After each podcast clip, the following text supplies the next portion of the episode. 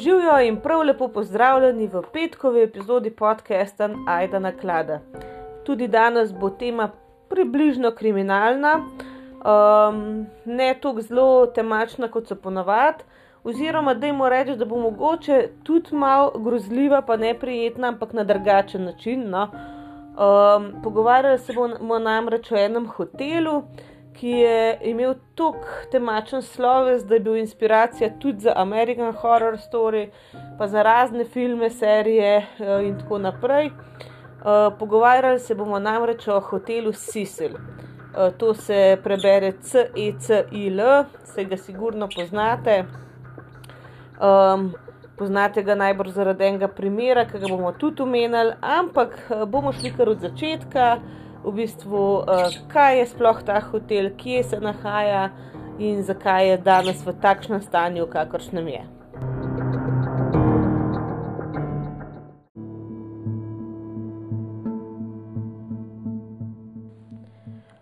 Staro središče mesta Los Angeles naj bi bilo zdaj kot nekakšno mesto duhov.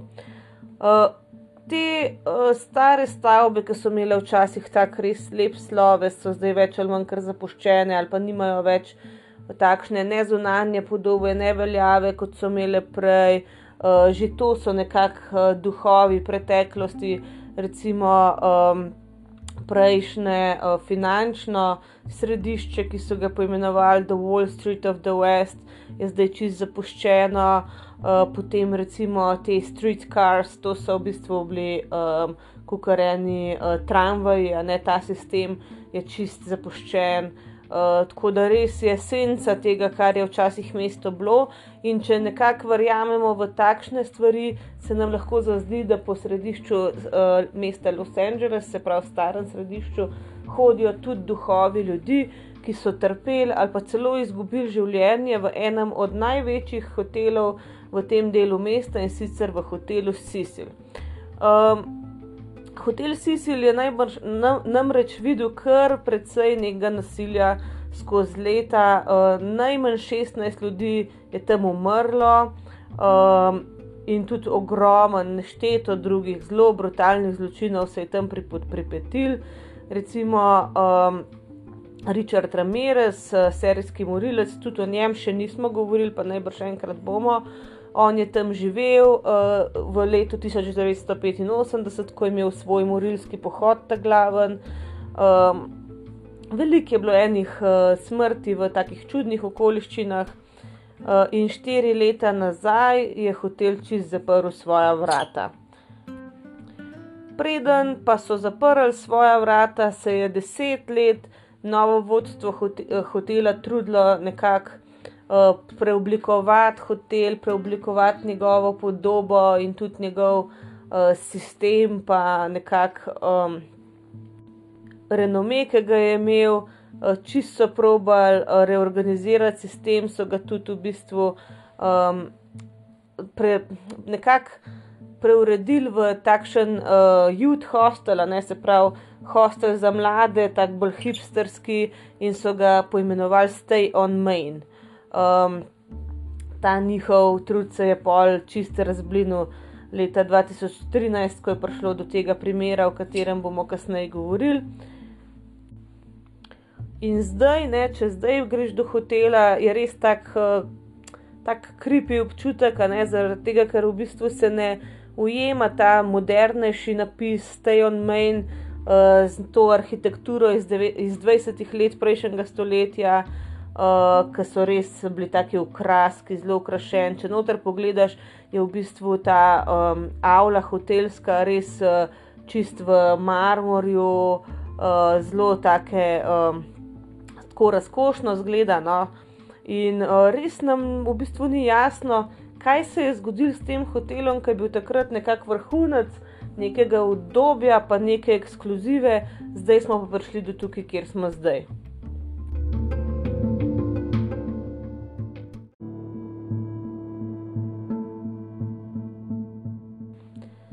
Če želimo vedeti, kaj se je zgodilo s hotelom Sicil, da je tako propadel, moramo najprej pogledati, kaj se je v resnici zgodilo tudi s celim L.A.-jem, ne z Los Angelesom. Um, zdaj, recimo, je to mesto, kjer v bistvu nimaš kaj početi, če nimaš svojega avta. Ampak včasih je imel LA res dobro razvit sistem javnega prevoza. Oni so imeli čist prepredeno mesto s temi um, električnimi avtomobili, oni rečejo, uh, street, kako že reče, street car. Uh, v bistvu to je tako, kot en, um, kot tramvaj. No? Uh, zdaj ne vem, je čist tramvaj ali kaj drugače, uh, ampak vse to ste sigurni že v v pesmih slišali, pa filmi. Pa uh, v glavnem, ja, to je bil nek tramvajski sistem, uh, zelo takrat napreden, uh, zelo dobro organiziran. In uh, ko se je šlo recimo za, um, kako bi rekel, za neko pozicijo določenih stavb, ne, je bilo zelo pomembno, kje si ti v razmerju do tega eh, tramvajskega sistema. Ne. In recimo um, hotel Sisil.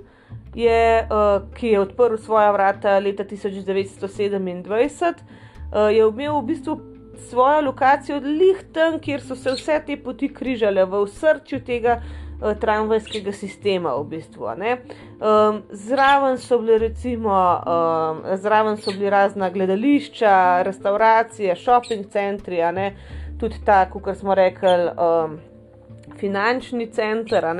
In v bistvu uh, to je bila najboljša lokacija. To je tako, kot če bi rekel Ljubljani, da si nek na Čopovi ali pa kaj jaz vem, na Bavarcu, tam ti zdelno, a ne, ker se vse tam dogaja. In um, hotel je v bistvu um, načrtoval lokalni arhitekt Lloyd Lester Smith uh, in ga je poimenoval po enem tudi enako prominentnem hotelu v Londonu. Um, Sisil je bil na začetku ustanovljen zaradi tega, da bi imeli v bistvu te ljudje, ki so prišli v mesto zaradi turizma ali pa zaradi biznisa, ne zaradi posla uh, imeli nek prostor, da tam pač uh, stanujejo v tem času in da so čisto v središču dogajanja. No? Se pravi, Sicil je bil res na najboljši možni lokaciji, kar jih je bilo. No, in uh, seveda ta zgodba bi bila veliko manj zanimiva, če ne bi prišlo pol do enega preobrata.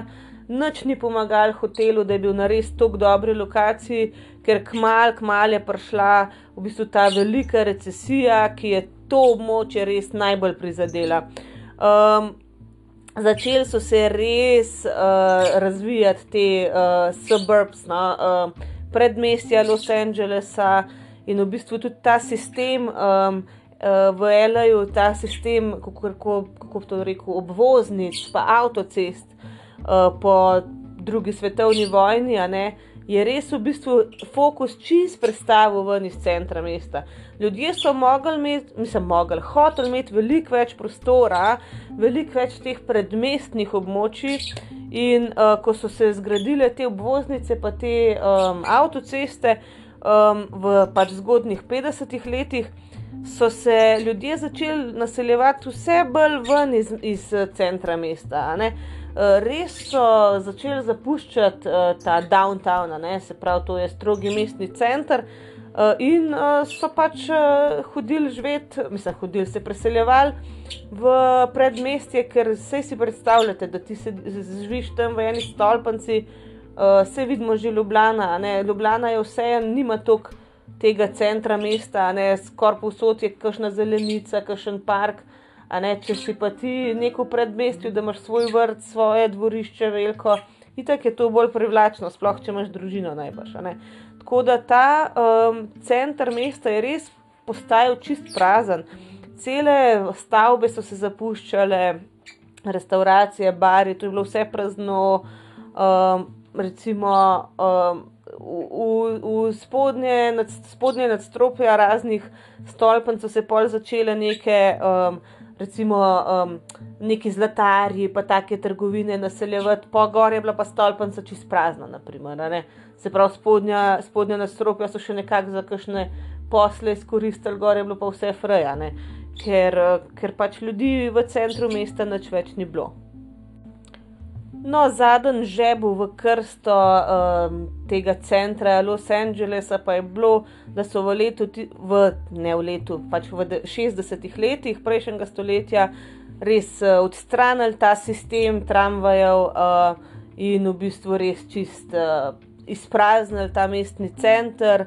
Zdaj, če si hodil po tem mestu, oziroma tudi zdaj, še, če greš peša, ne, še vedno vidiš na vogalih stavb uh, te neke kljuke, pa to, kar so uh, v bistvu imele, uh, mislim, ki so držale prej napeljavo. Um, in um, zdaj te, od tega se nikoli ni pobral center mesta. Ne, to je bil res tak udarc.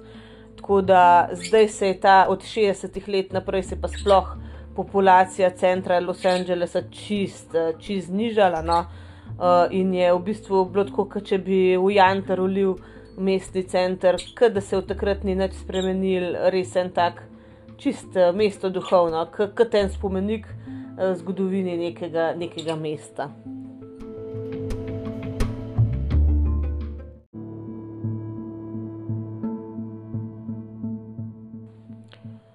In zdaj ta center mesta je takrat, od takrat dalje postal nek prostor brez pravil, brez zakonov. In tja so se začeli naseljevati ljudje, ki niso mogli ali pa želeli živeti druge. Um, se pravi, uh, brezdomci, uh, tudi narkomani, kakšni kriminalci, uh, oni so začeli se tja naseljevati. Uh, razni manjši hoteli, recimo približno polovica manjših hotelov je bilo podrtih v, letu še, v 60-ih letih, uh, tudi zaradi tega, ker so določena pravila, kar se tiče gradnje, bila veliko bolj stroga, najbrž, uh, a ne, ni, uh, ni bilo vse jih najbolj varno. In uh, zaradi tega je tudi pol uh, propadal veliko nastanitvenih možnosti. Jaz si predstavljam, da so te ljudje, ki res niso imeli kje druge živeti, z veseljem ne, naselili te stare stavbe, tudi če so bile malo bolj nevarne, in zdaj so to seveda vse podarili. Tako da velik teh ljudi, ki zdaj niso mogli več kje živeti, ne, uh, je končalo na Skidrow. Skidrow je v bistvu en območje L.A., zelo v neposrednji bližini Sisil hotela, uh, ki je v bistvu, kako bi človek temu rekel, katena uh, ulica, kjer so v bistvu res sami brezdomci, uh, kjer ljudje praktično tam na ulici živijo, pre, veljajo prav ena svoja pravila, uh, da bi rekel tam una nocturna ulica v Harryju Potterju, a ne čist nek svoj, opa, pardon, svoj sistem. No.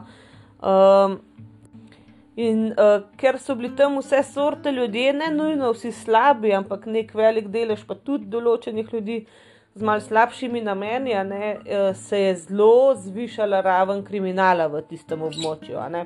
Zdaj pravijo, da tudi v uh, Sisil hotelu ne, se je tudi do tja ne, nekako razširil ta kriminal, pa v neposredno bližino le tega.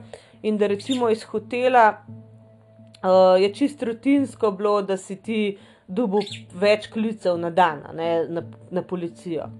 Tako da uh, ta hotel zaradi tega ni več nekako bil privlačen za poslovneže, pa za turiste, in zato so začeli uh, ponujati neko varianto, uh, kjer si ti lahko si samo uh, eno sobico najel, imel si pač uh, kopalnico skupno, uh, kuhno skupno, in si lahko tudi na uh, daljši rok najel to, ne, za zelo niz, nizko ceno. Mislim, da sem poslušala celo nekaj takega kot 7 dolarjev na dan. Uh, in to je recimo za določene brezdomne ljudi ali pa ljudi, ki so imeli pač res, res nizke prihodke, bilo seveda privlačno. Ne? Nek na, na toplo so lahko šli, lahko so se stoširali, nekaj si naredili za jesti, eh, spali na toplem in to je bilo to, kar so rabili. No, in leta 2007, ko so v bistvu ta center, stari center L.A.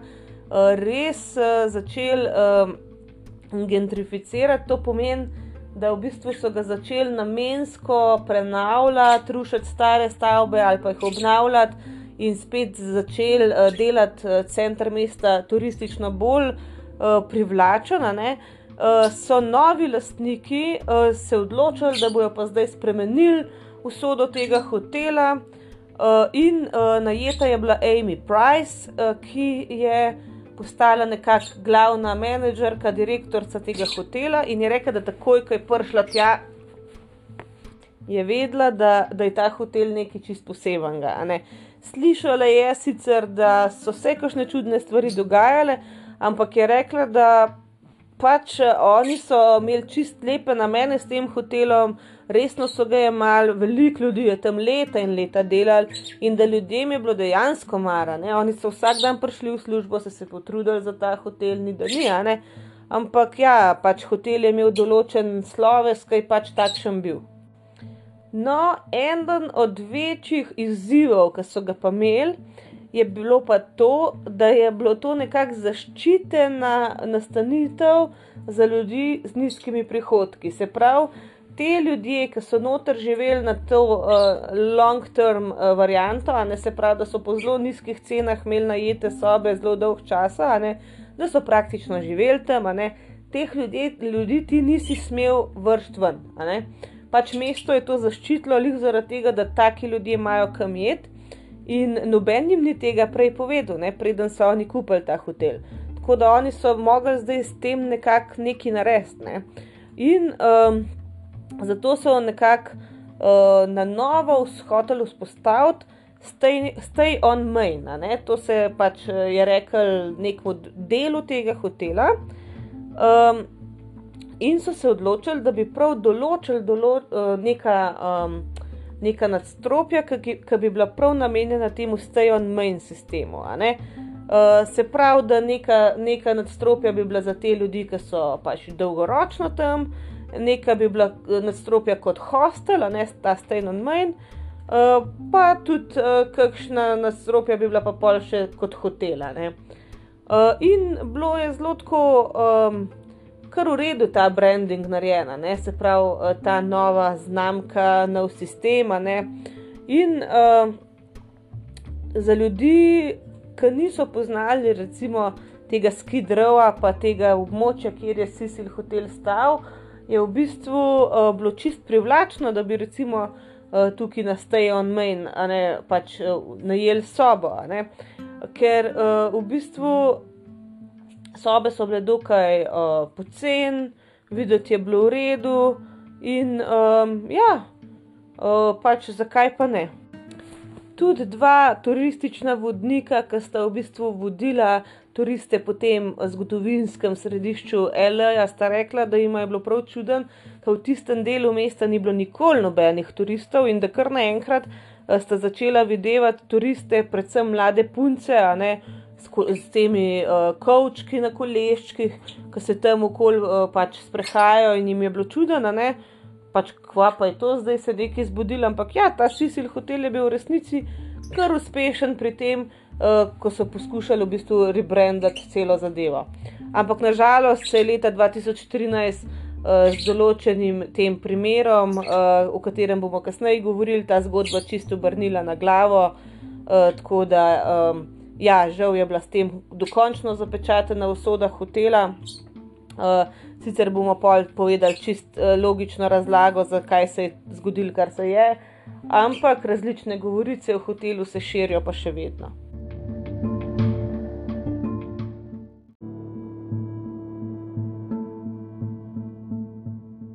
Um, ta direktorica je rekla, da je poslušala strašno veliko nekih uh, zgodb o duhovih, da duhovi, pa da vem, kakšna bitja v bistvu delajo štale po Sisil hotelu.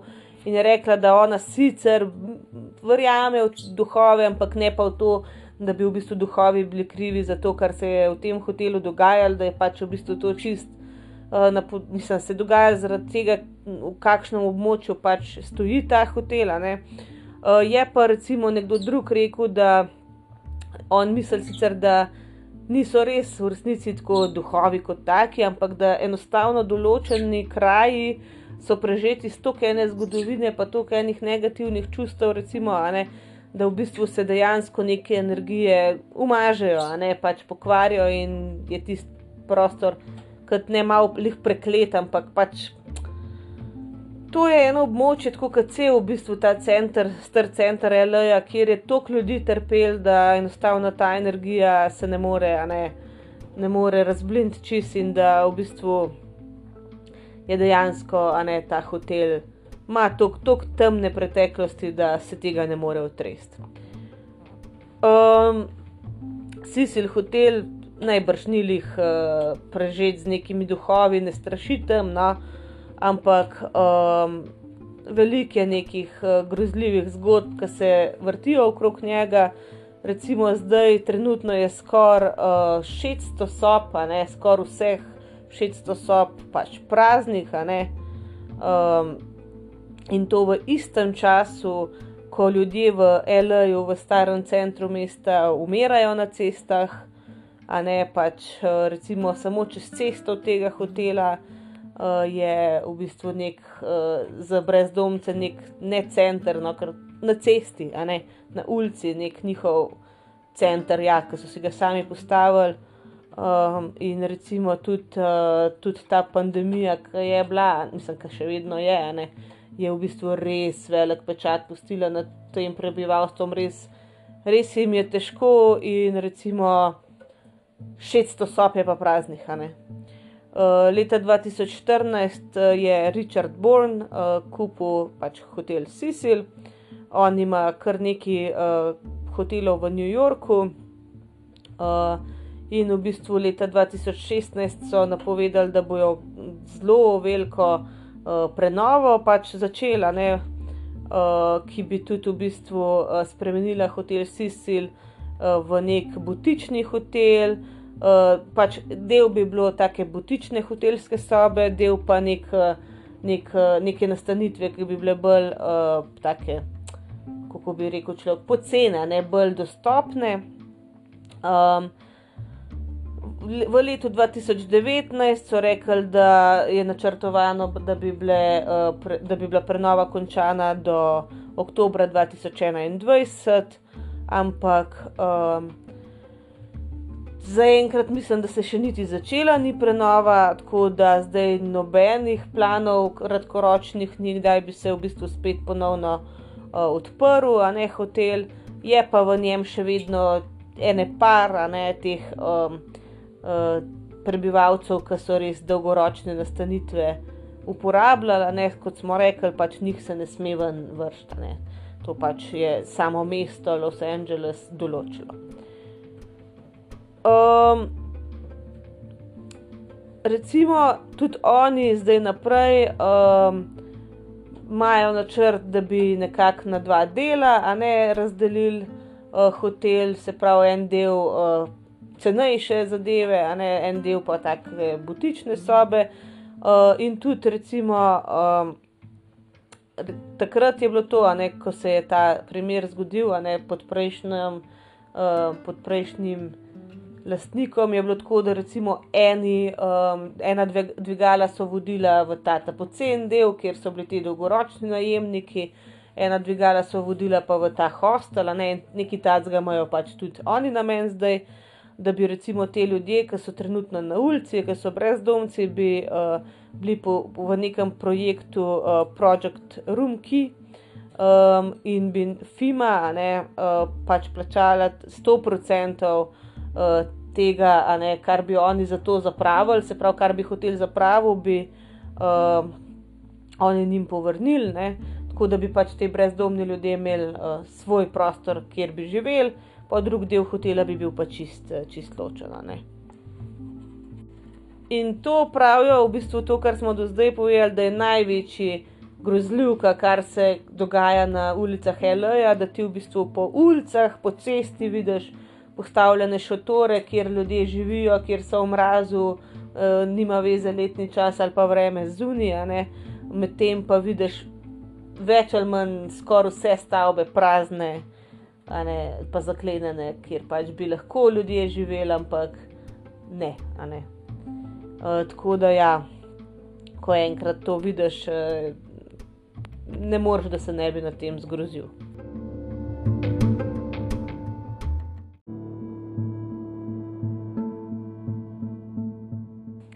Pa še nekaj čist hitrih dejstev.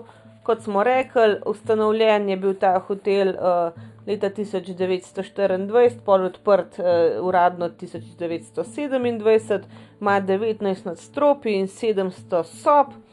Um, kot smo rekli, ne, um, najprej je bil namenjen poslovnežem, pa turistom, kasneje pa, so pa več ali manj tam uh, razni prostitutke, razne prostitutke živele, pa uh, pač uh, drag dealerji, ne se pravi, um, prekupčevalci z mamili, včasih pa tudi brezdomci.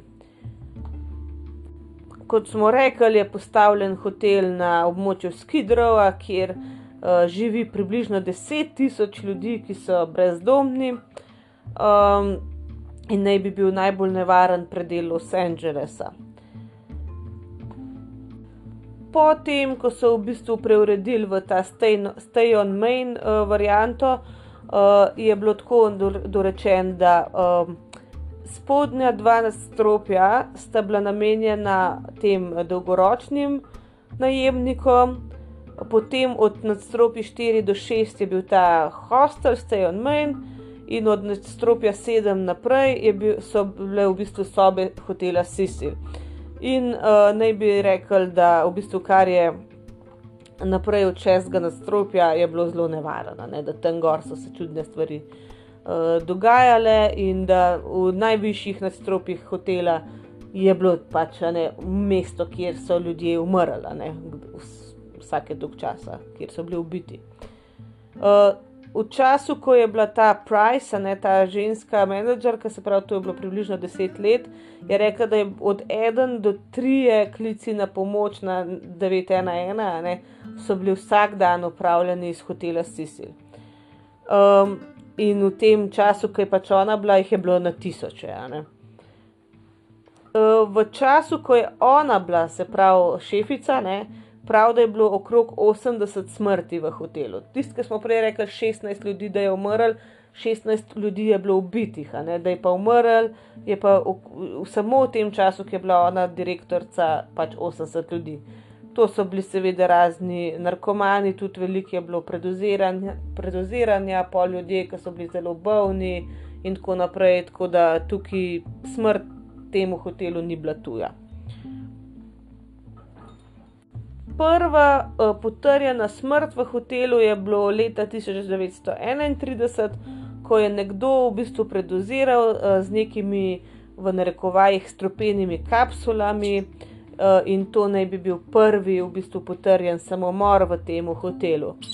Um, še, uh, še en primer grozen iz tega hotela je bil tudi leta 1962, ko je neka ženska, Pauline Otten, uh, po prepiru s svojim možem skočila ven iz, uh, iz, pač skozi okno iz sedmega nadstropja in uh, pristala na nekem pešcu, ki je slučajno tam jim hodil in sta oba dva umrla. Um, še ena sta, taka stvar, uh, ki je zelo zaznamovala hotel, je bilo leta 1964, ko je Pigeon Goldie Osgood. Uh, ena ženska, ki so jo poznali zaradi tega, ker je na nekem trgu tam zelo rada hranila golobe, uh, bila najdena, posiljena, pretepena in zabodena v njeni hotelski sobi. Še vedno do zdaj je v bistvu ta primer nerazrešen. Uh, kot smo pa že povedali, je tudi uh, Richard Ramirez, ki so ga poimenovali Night Stalker.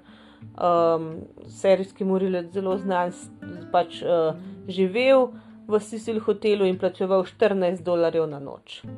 Uh, bo je, da je tam uh, se celo sprehajal, polk so imeli skupne kopalnice, ne v samih gatah, ki so bile prepojene s krvjo, ki je najbrž prišel iz enega od svojih morilskih pohodov in je šel pač bo, bo spal v tistih krvavih gatah, lepo do kopalnice, pa viceja, pa nazaj v svojo sobo, ne brigal ga je. Um, in še en serijski morilec, Jack Unterweger, uh, ki je bil mednaroden serijski morilec, je tudi v bistvu živel in tudi ubijal v hotelu Sicil v zgodnih 90-ih letih. Um, in še zadnja taka stvar, zelo temačna, um, Elizabeth Short, velika večina vas sigurno njo pozna kot Black Dahlia, to je tisti primer, ki je tudi neraziskana. Ne? uh, ne bom govorila preveč o tem, kaj je kar tako grozen, ne, grozen umor bil. Uh, tudi ona naj bi bila videna v hotelskem baru samo nekaj dni pred svojim umorom. In zdaj še ta zadnji primer, tako grozljiv, ki je zaznamoval dokončno usodo tega hotela, je pa primer Elise Lem, ki je 31. januarja izginila in je bila tudi v javnost dana, je bil dan posnetek njenega čudnega obnašanja v hotelskem dvigalu, in to je primer, o katerem se bomo mi zdaj le mačkam več pogovorili.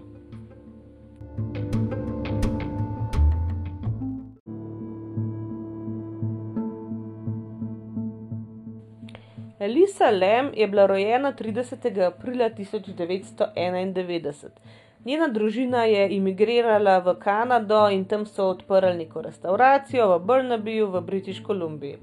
Ona je bila študentka, bila je dokaj nenavadno dekle, zelo taka vase zaprta, veliko je objavljala na Tumblrju, pisala tam kot nekakšen dnevnik svoj in se je odločila leta dva tisoč trinajst oziroma že konec dva tisoč dvanajst, da bo šla sama na neko potovanje,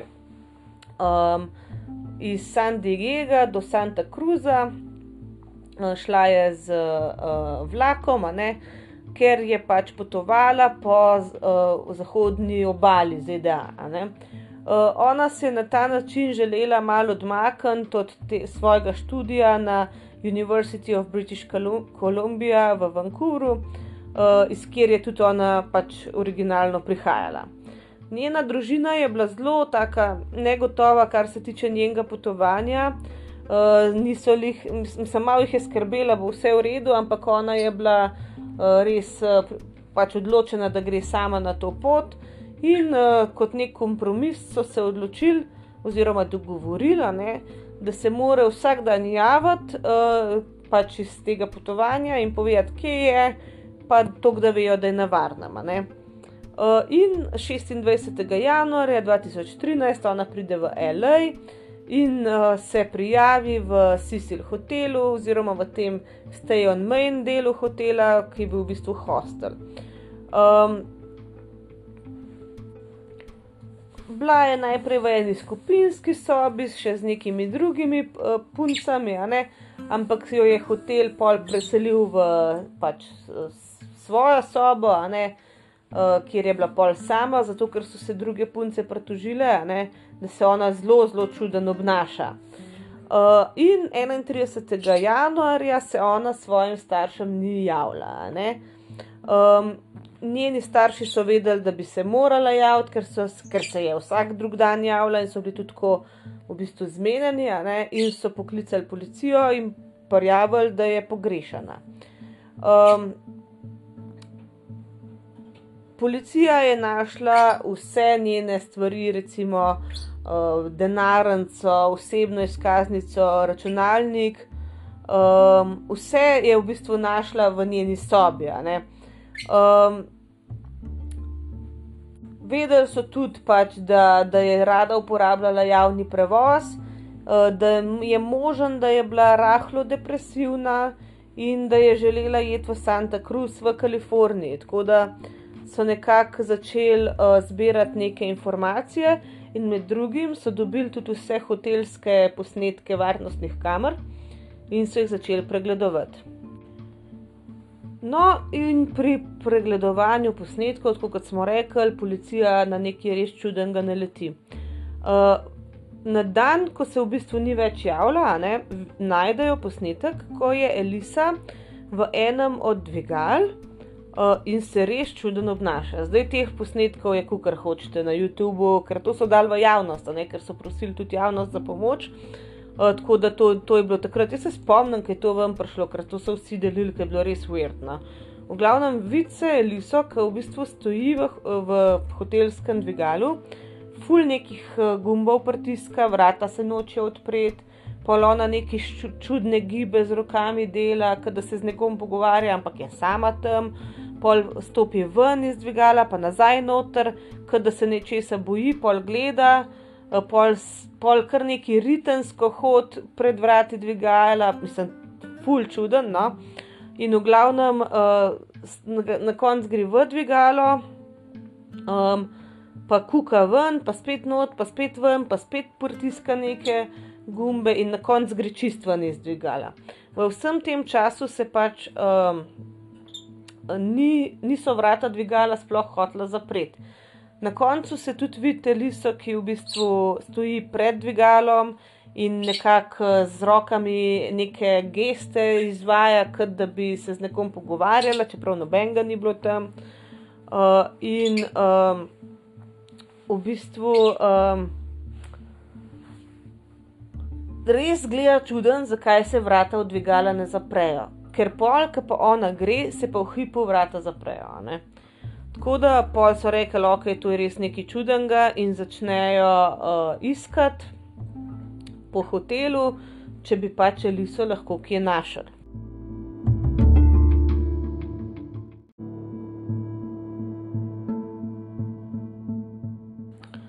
Zaposleni v hotelu in policija so pregledali v bistvu um, vse možne kotičke hotela, vse sobe, uh, res so prevohljali vse, kar se je dal.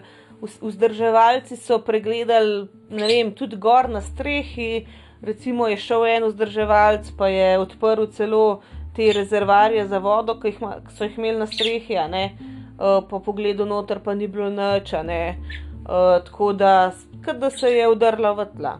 19. februarja, v bistvu dva tedna potem, ko so že dali tudi ven uh, v javnost ta posnetek, pa več kot dva tedna po njenem izginotju, pa se neki ljudje, ki so pač takrat bili v hotelu, eni turisti, pritožijo, da ima voda, ki je tekla pač iz uh, pipe, ne, da je prvič tekla z zelo nizkim pritiskom, se pravi, tak švoh curk je bil. Ne, da je imela uh, čudno barvo, pa čuden okus.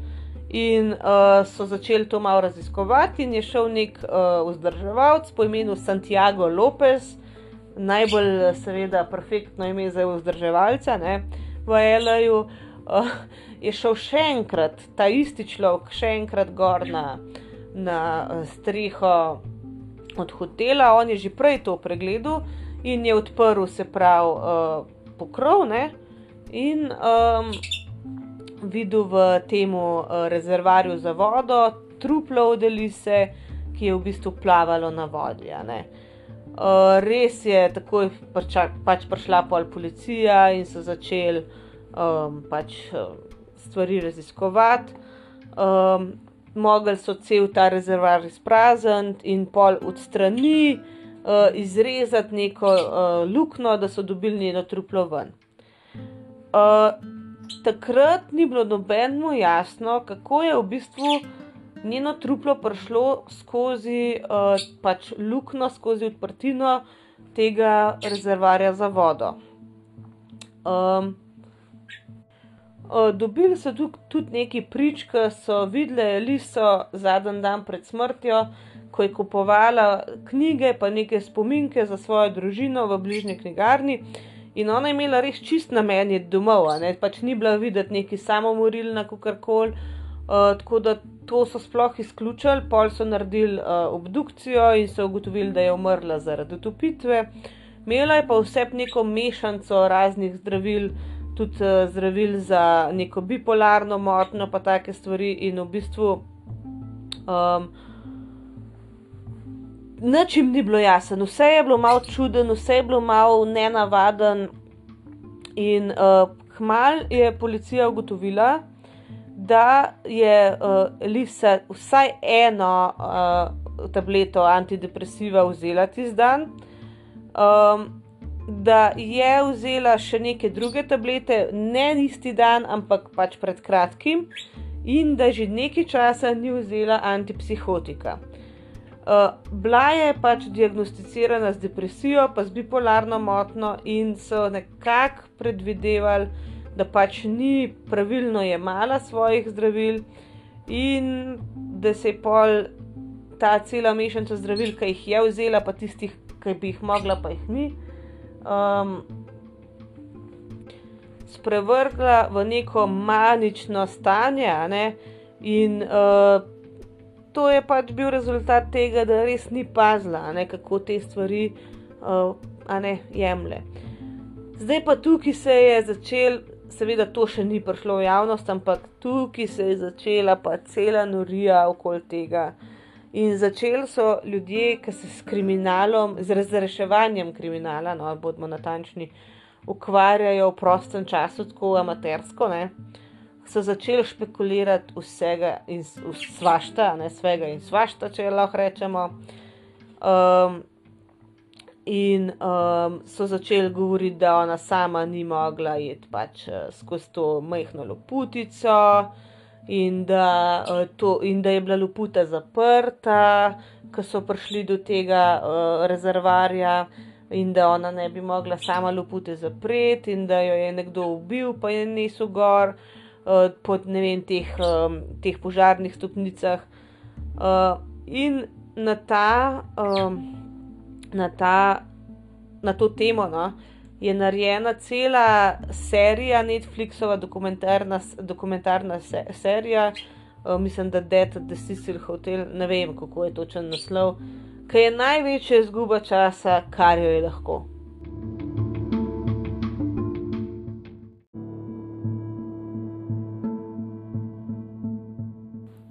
Kot veste, sem jaz ljubiteljca raznih dokumentarcev, sploh na True Crime temo, tudi dokumentarnih serij, teh miniserij. In če jaz rečem, da je nekaj izguba časa, mislim, res je. No. Uh, zakaj? Serija je pripravljena dobro. Všeč mi je, da so zelo veliko ljudi intervjuvali, recimo ta ženska, ki je bila menedžerka hotela v tistem času, razni ljudje, ki so tam bili ti dolgoročni najemnik, uh, najemniki. To je meni vse všeč. Nisem rekla, da je slabo narejen. Zakaj je izguba časa? Vse epizode se mi vrtimo okrog tega, kdo je kaj naredil njej. Uh, res so bile teorije po internetu, vsak, vsake vrste, kar si jih vi predstavljate. Da je nekdo nesel njo po štengah, gor pa zbasil čez isto luputo, pa zaprl za sabo da je ne vem, ne vem kaj vse, da jo je nekdo gor prčakal, pa jo je tam ubil, pa zbasil čez loputo. Uh, policija je vse te scenarije probala dejansko odigrati in nič ni šlo. Te um, stopnice so preveč uh, nekako, kako bi rekel, preveč švoh, pa preveč nerodne, da bi ti nekoga lahko nesel gor. Uh, poleg tega je pol ta Lopes, ki je v bistvu bil vzdrževalec, povedal, da Luputa je bila odprta v prvo, ko je šel te stvari preveriti. A ne tudi takrat, ko je prvo pogledal noter, pa, pač trupla ni videl, a ne se je truplo se najpr najprej lebdi, pol se potopi, pol spet prplava na vrh. To so stvari, ki pač z razkrojem pridejo, tako da bi bilo čist možno, da ne bi videl, ne. Uh, pa itak je tema not v rezervarju. Um, Tako da vse, vse se da čist lepo pojasniti, ampak dejstvo pa je bilo, da se je pol najdel par frikov, recimo en model v tej seriji je, uh, ki je bil praktično obseden z njo, ki je meni v bistvu on najbolj kripi od vseh, ki so jih pač ne, tukaj uh, predstavili, ker so imeli ne par ljudi, ki so jih tudi usumili. Recimo enega modela, ki je metalc, ki nekaj metal, komade piše in objavlja zato ker je neke take besedila pisal, mislim, da ne vemo, ne, kaj spada v to subkulturo. Recimo, tako je bil on označen, pa sploh ni bil takrat, mislim, da sploh ni bil v L.A.U. takrat, ko se je to dogajalo. Tako da v glavnem hočem reči, veliko ljudi, ja, se je poistovetili, pa so pol te njene Tumblr zapise brali, pa so se počutili, da jo poznajo. Je v bistvu res že to raterka ena obsedenost in, in te ljudje se do današnjega dne ne sprijaznejo uh, z najbolj očitno razlago, ki jaz mislim, da je tudi kar lepo realna. Pač Eli, Elisa, Elisa, eh, eh, Elisa Lem, joj. Uh, je dejansko imela bipolarno motnjo, dejansko je pač ona jemala zdravila, bi jih morala jemati. Uh, in na tem um, potovanju, ne, je ona začela te zdravila opuščati. Zakaj? Kaj je pač uh, pripomoglo k temu, k tej njeni odločitvi, noben ne ve. Ona se je hotela malo odmakniti od svojega življenja, osvoboditi določenih stvari, ki so jo doma omejevale. In jaz mislim, da je mogoče mislila, da je ena od teh stvari tudi ta njena medicamentozna terapija, ki jo je prejemala za svoje težave, ki jih je pač imela z duševnim zdravjem, kar ni nič hudega. Uh, jaz sicer ne zagovarjam lih um, tega, da bi se kar vse težave z duševnim zdravjem rešile z zdravili, uh, je od primera do primera pač zelo različno, ampak so pa določene stvari in določene težave, ki so povzroče, povzročene zaradi pač uh, čist kemijskega neravnovesja ne, v možganjih in tukaj se da pomagati pač samo zdravili in pri njej so zdravila pomagala, ampak ona se je hotela tudi tega osvoboditi in jih je začela opuščati. Na to nakazuje tudi dejstvo, da se je res tako čudaško obnašala, da so bile njene težave oziroma njen vedenje, da je bil tako čuden, da so jo dejansko dali v eno, eno posteljno sobo, eh, ker niso mogli cimre z njo biti. To smo že povedali. Tako da ni to prva stvar, da karkoli o njenih težavah slišimo. Uh, in potem mislim, ne, da pač je največji fail tega dokumentarca to, da se cel čas ukvarjamo z ne vem kakšnimi teorijami, z ne vem kakšnimi mnenji, ki so jih ti ljudje imeli. Na koncu sicer povejo, da je najbrž ta um, njeno duševno zdravje pripomoglo k temu, ne v smislu, da bi ona hotla narediti samomor, ampak pravijo, da v tej manični fazi ne, je včasih ljudem tudi vroče, ker ona je bila slečena in njena oblačila so bila nekako posebej. Ne. Um, da je vroče ljudem in da je bila ali žejna, ali da je se hotla ohladiti, in da je v tej manični fazi pač se tako odločila in splezala v ta uh, pač rezervar za vodo. Tako da um, vse se sklada in namesto, da bi Netflix vzel to zadevo kot eno priložnost, da se mal pač dotaknejo tematike duševnega zdravja, ki je še vedno zelo zanemarjena, so šli v čist drugo smer in čist nekako um, zafrknili, kar se mene tiče. No. Dali so fulene pozornosti ljudem, ki si jo ne zaslužijo. Recimo ta tip je samo ustanovil neko Facebook grupo za pravico Lise Lem uh, in zdaj je on tam imel full screen time. Uh, res veliko časa so mu namenili na mest, da bi dal ta čas še kakšnemu strokovnjaku, ki bi lahko svetoval osebam, ki ali se borijo s to bipolarno motnjo, ali pa recimo uh, osebam, ki živijo z ljudmi, ki jo imajo, ali pa ki imajo svojce, ki jo imajo, da veš, kako taki osebi po, pač pomagati in na kakšen način tudi prepoznati takšne stvari, um, ki lahko privedajo pol do kakšnih tako tragičnih eh, pač dogodkov, kot je bil ta. Um, mogoče bom jaz zdaj tukaj le šla v kakšno smer, ki vam ni preveč všeč, ampak bi rada namenila en del tega podcasta tudi temu, da povemo nekaj o bipolarni motni, uh, pa v dejstvih, ki spadajo zraven.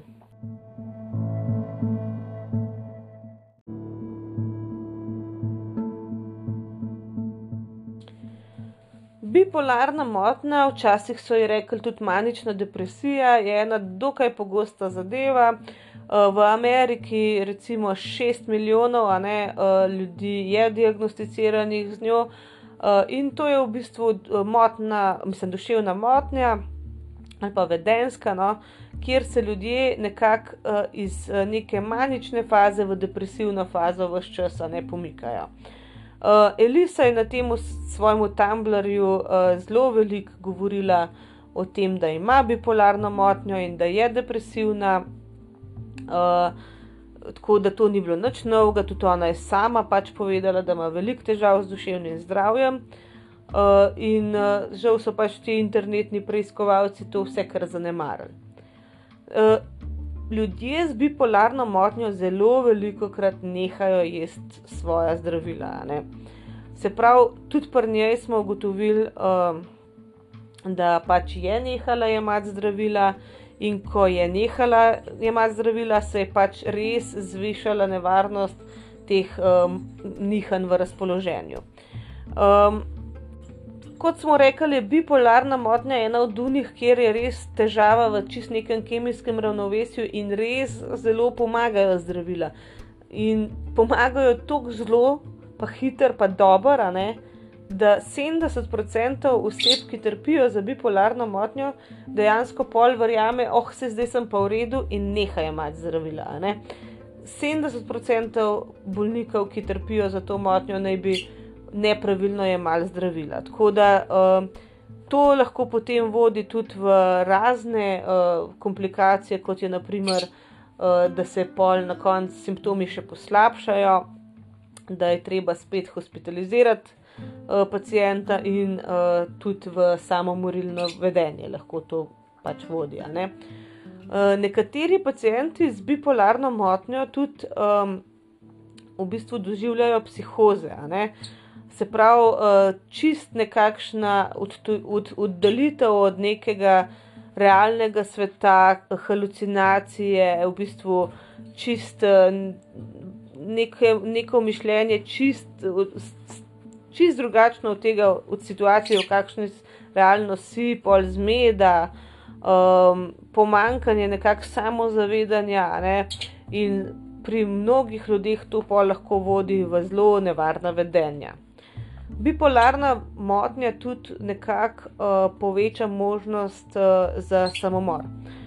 Približno 60% pacijentov z bipolarno motnjo nekako vsaj enkrat v življenju poskus narediti uh, samomor. In sploh uh, pri ljudeh, ki ne nekako zdravijo tega, ne, je pa uh, še višji ta procent, saj eden od petih naredi dejansko samomora. Ne. Zdaj to ne pomeni, da je ona sama hotla si vzeti svoje življenje namenoma, ampak ne bomo pa nikoli vedeli, uh, je, obstaja pa tudi ta možnost. Um, ona pri 21 je bila že nekaj časa diagnosticirana z bipolarno motnjo, zato ker uh, najbolj uh, pogost čas, ko pač se to diagnosticira, in tudi pojavijo neki simptomi, je ravno v nekem najstniškem oziroma pozno najstniškem obdobju. Um, kar eden od petih najstnikov, ki nekako neko depresivno obdobje, pa ne tako resno depresijo, a ne klinično depresijo, uh, v puberteti izkusijo, eden od petih bo razvil bipolarno motnjo v roku petih let. Uh, še vedno je uh, bipolarna motnja zelo uh, stigmatizirajoča. No?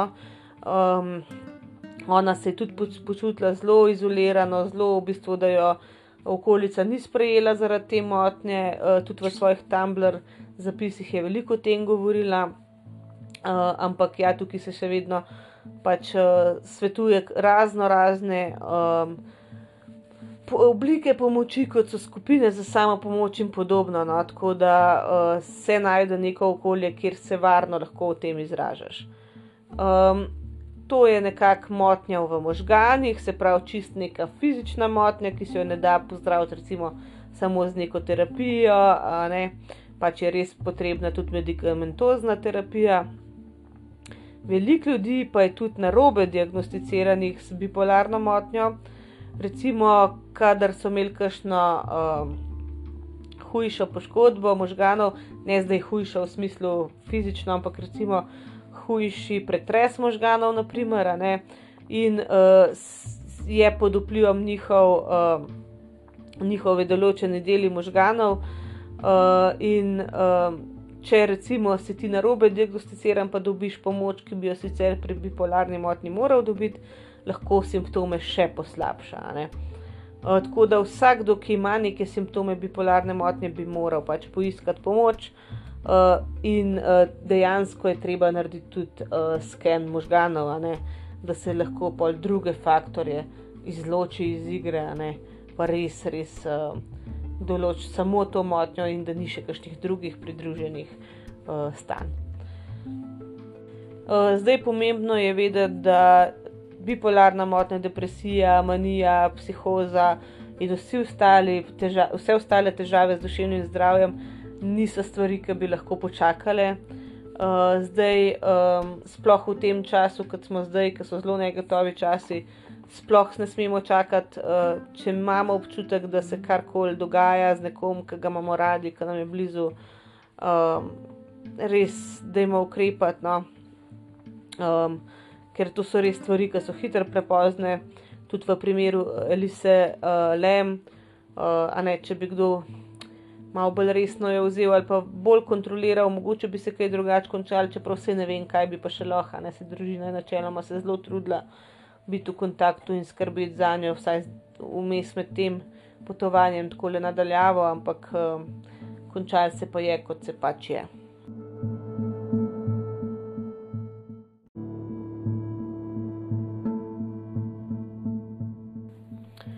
Um, zdaj, kaj nam je povedal ta podcast? Uh, najprej, da um, na svetu živi ogromno ljudi v nemogočih razmerah uh, in veliko stvari ni tako bleščečih, kot se nam zdi. Na prvi pogled se vemo, da je LA, kot ga mi poznamo, je čist nekaj drugega kot to, kar smo danes vedeli.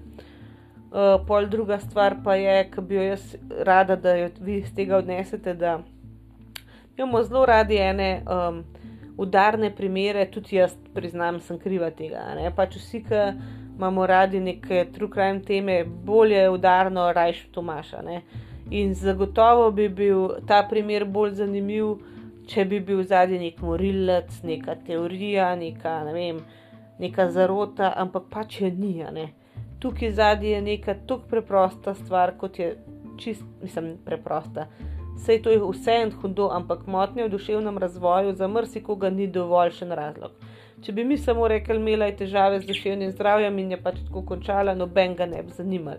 In nažalost so ravno zaradi tega morali na Netflixu se poslužiti take oblike dokumentarne serije, da so ta resničen razlog in resničen nauk, ki bi ga mogli iz tega izpeljati, potisnili čist na, na rob.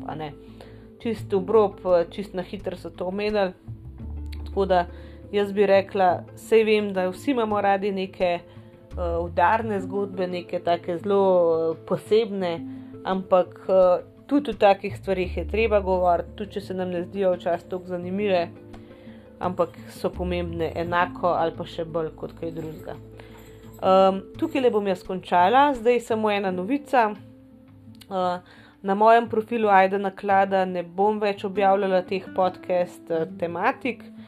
Um, razlog je zelo preprost, pač Instagram in, in pač uh, Facebook in vse te, pač, uh, vse, vse te platforme, ki tako spadajo pod isto podjetje, ki se zdaj imenuje Meta, um, so začele s temi algoritmi uh, zelo pregledovati objave.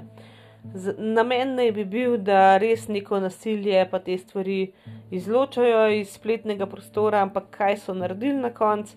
Uh, algoritmi, za katerimi ni pač neke realne osebe, izločajo stvari, ki niti približno niso škodljive, medtem ko druge res škodljive stvari, razni fake news in tako naprej, ostajajo mirne duše na internetu. In jaz sem dobila že drugič opozorilo, pre, pač so mi odstranili neko vsebino. Uh, in upozorili, da mi bojo izbrisali profil, če se ne poboljšam, ti ti. Šlo se je pa za čisto eno nedolžno zadevo, en hec, v bistvu, ki je ena sledilka v bistvu komentirala uh, objavo od tiste epizode o ljudeh, ki so preživeli nemogoče, ne? uh, da kako se je mogel strašiti tisti človek, uh, ki se mu je ta, ta zmrznjena ne zbudila, pa prosila za vodo. In sem jaz komentirala. Uh, Da po mojem bi se jaz tako strašila, da bi ga na gobe zbutila samo tistega šoka. In je ona komentirala spodaj, haha, ja, ne, samo od šoka. To je bilo to. Uh, in uh, ta moj komentar naj bi um, spodbujal k nasilju, izdelovanju orožja in uh, uh, povzročanju fizične bolečine uh, drugim ljudem. Tako da, ja, ok, jaz sprejmem, da Instagram pač ne zaznava sarkazma, pa konteksta, ampak jaz sem tega mačkan že dost. Uh, prva objava, ki so mi jo odstranili, bila pa recimo, ker sem vas samo na storju vprašala, če bi vas tematika od Tedu Bandiju zanimala. In ker je bila njegova fotka čist sem portret, nič groznega, niti iz tiralice, nič, so mi to odstranili, ker pa napeljujem tudi, seveda, k nasilju, pa k organizaciji v združbe, ki napeljuje k nasilju. Se pravi, da jaz hočem nek Ted Bandi kult ustanoviti, ne vem. V glavnem meni se to zdi že malo bolano, uh, ampak tako pač je. In to sta bila zdaj že bili dve napaki, ne vem, koliko jih sploh lahko imaš, ker pravila so kar ena. V bistvu, basically, ne, v pravilih piše, da če se njim zdi, oni te lahko zbrišajo. Tako da sem se odločila, da vse te podcast vsebine umikam z svojega profila, ker vse en s 3000 in še neki sledilci, ko smo tukaj zbrani zaradi knjižnih vsebin, eh, ne želim profila tvegati. In sem pač ustanovila, mislim, odprla nov profil, Aida Naklada podcast, ki je pa zaprt, ne, ki je privat in v te, v te profile se naj ne bi spuščali. Tako da tisti, ki hoče biti obveščen o podcestih, pa tudi sodelovati v um, debati podca od, o podcestih, vabljen na tisti profil, pa se bomo tam pogovarjali. Tako da vem, da je bolano, ampak pač taki časi so zdaj, ne cenzura dela na napačnih mestih, če me vprašate. Uh, tako smo vok, pa tako smo, tako sprejemamo vse, razen tisti, ki te ni všeč, to pa zabijemo do konca. Ne? Tako da uh, jaz mislim, da nimam imeti kakšne slabe vesti, ker ve, veste vsi, da vedno spodbujamo k nekemu ne, ne pozitivnemu mišljenju o tem New Age, uh, o teh New Age uh, smislih, ampak spodbujamo k temu, da se razmišlja svojo glavo, da smo obveščeni v stvarih, da razmišljamo o stvarih, um, nikakor kakšnemu nasilju. No? Ampak, ok, pustimo zdaj to, vabljeni na ta nov profil, pa se bomo tam kaj pogovarjali. Lepo se majte, se slišmo naslednji teden, bomo videli, če bo v ponedeljek kakšna epizoda znala, bi biti, bomo videli, no? ampak noč ne obljubam, no? tako da v sredo pa zagotovo se poslušamo in čau, čau.